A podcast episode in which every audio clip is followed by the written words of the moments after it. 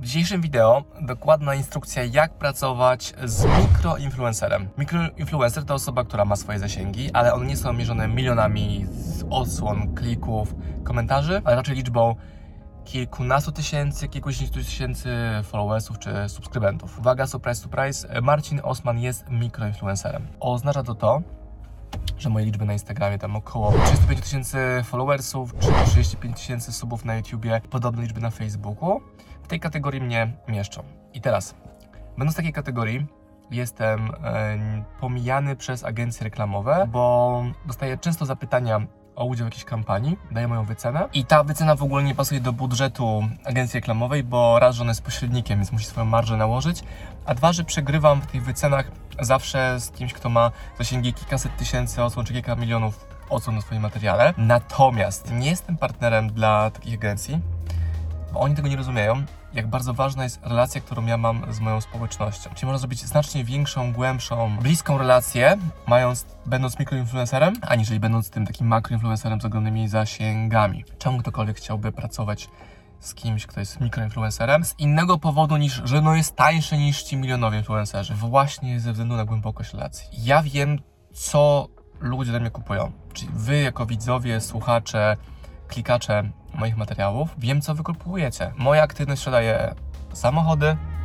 aparaty na zęby, ciuchy, nieruchomości, hotele, jako wizyty w hotelach, restauracje i wszystko to, co mnie się dzieje, co pokazuje, wpływa na decyzje zakupowe moich widzów. I teraz pomyślałem sobie, dobra, jak ja jako agencja zewnętrzna, czy klient indywidualny zewnętrzny chciałbym pracować z taką osobą jak Marcin Osman i teraz Wam pokażę, jak ja bym to dokładnie robił. Punkt pierwszy, w ogóle nie patrzenie na liczbę odsłon, ale patrzenie, co ja robię w moich mediach, czyli jeżeli u mnie dzieje się kampania albo po prostu coś, co chcę pokazać jako super ciekawe, te informacje pojawiają się na YouTubie, Facebooku, Instagramie, TikToku bardzo często, w mailingu, na webinarze. Nie jest to zazwyczaj jednorazowa akcja, że te 5-6 elementów się dzieje, ale jest to akcja, która jest e, długofalowa, długoterminowa. Często widzicie u mnie na przykład markę Diamante.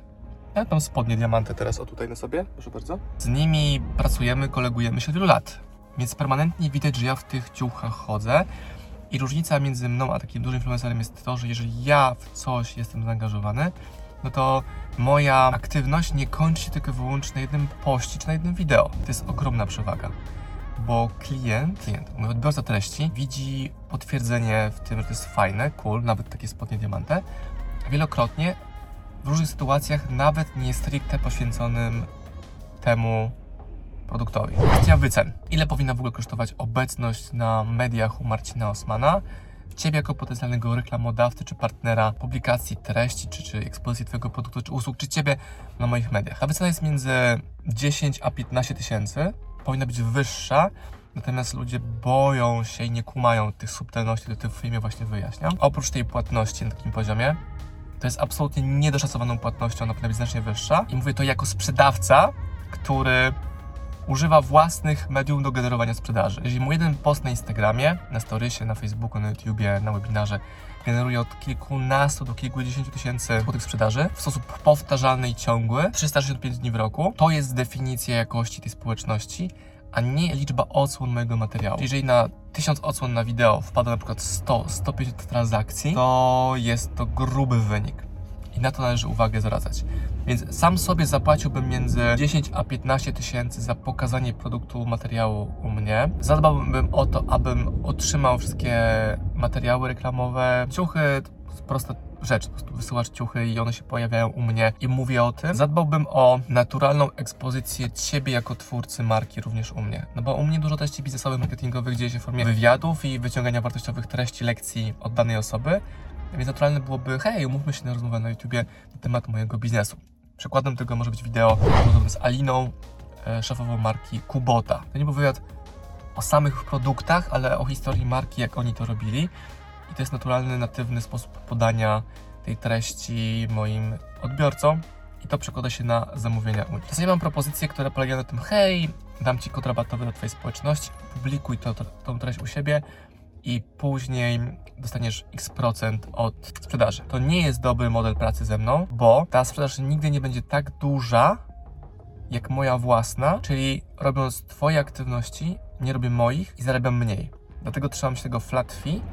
W niektórych projektach specjalnych bazuję na współpracy, która jest albo na share fee, czy dzielimy się zyskiem, który wypracowałem, albo w ogóle nie biorę od Ciebie fee za sukces, za sukces, bo się lubimy. Przejdźmy do kolejnego ważnego elementu, jakim jest e, czy my się lubimy. Czy ja chcę Ci pomóc, bo kocham Twój produkt, uwielbiam Ciebie, Ty mi pomogłeś, Ty mnie wsparłeś, po prostu robisz zajebiste rzeczy. Jeżeli tak, to ta wycena w ogóle nie jest potrzebna, bo chętnie za free, za darmochę zrobię tą ekspozycję u mnie. Tak samo w drugą stronę, jeżeli ja kogoś występuję, czasami są to występy płatne, że płacę za ekspozycję na czymś medium, ale w większości przypadków są to darmowe zaproszenia na zasadzie hej, jesteś zajebisty, wpadnij do mnie na YouTube'a i razem coś zróbmy. Najbardziej skuteczną taką instant rzeczą, która działa, jest ekspozycja z call to action na Insta Stories. Pojawia się produkt, usługa albo ty, ja mówię o tym, mówię call to action, kup, zapisz, weź, opublikuj i zależy od tego, jakie sobie call to action ustalimy, to generuje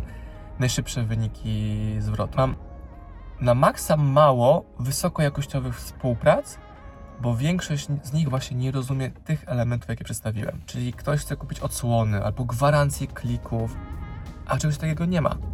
Ale jeśli podejdziemy do tego długoterminowo, to ten zwrot się będzie dział cały czas. Ja na przykład kupiłem inwestycje w beczki palikota po tym, gdy po raz pierwszy zobaczyłem go na studiach na wykładzie biznesowym. Albo pojechałem do hotelu, to zobaczyłem w sezonie zimowym, zapisałem sobie go na komórce i gdybyśmy gotowi na wyjazd, tam ruszyliśmy. To, co się dzieje na przykład z, z wizytami w cukierni czekoladowe w Lublinie, czy w restauracjach, które polecamy w Lublinie szczególnie, również pokazuje to, że moja społeczność, czyli wy za tym idzie. Gdy spaliśmy jedną z akcji charytat- charytatywnych rok temu, to okazało się, że to hospicjum, na które my akurat przelaliśmy pieniądze, zyskało najwięcej wpłat, czyli nasi ludzie poszli naszą rekomendację i wpłacili dokładnie to hospicjum, gdzie do wyboru mieli tam kilkadziesiąt hospicjów z całego kraju. I to są rzeczy, które nie mogą być jednorazową akcją promocyjną. One muszą żyć ze mną cały czas. W ogóle nie kumam, czemu marki nie, wy- nie zobaczyły mnie u dużego w maluchu, gdzie pokazywałem się ja, mój samochód. Dlaczego nie zobaczyły informacji, że zmieniam samochód? To jest nowe auto, tego samochodu nie było jeszcze u dużego w maluchu. To jest podchwycenie. Teraz co by się wydarzyło, gdyby, gdybym dostał samochód albo na własność, albo na rok bezpłatnego użytkowania, albo jakiś rabat rzędu 50%. To bym pokazywał ten samochód wszędzie, cały czas byśmy robili z tyłu e, na stoliku wywiady, rozmowy, byłby obrędowany i te kilkadziesiąt tysięcy złotych, czy kilkaset tysięcy złotych kosztu całego samochodu zwróciłoby się wielo, wielo, wielokrotnie, zarówno pod kątem sprzedaży, świadomości marki, ekspozycji i mojego bycia ambasadorem tego dzieła. Dodatkowo w mikroinfluencerach jest znacznie mniejszy tłok. Do tych największych są kolejki. Trzeba się licytować. A z tymi mniejszymi, takimi jak ja, można dogadać idealne szyte na miarę deale. I jakby piękne jest to, że ja się nie muszę utrzymać w ogóle z deali partnerskich, czy kampanii influencerskich, czy kampanii reklamowych.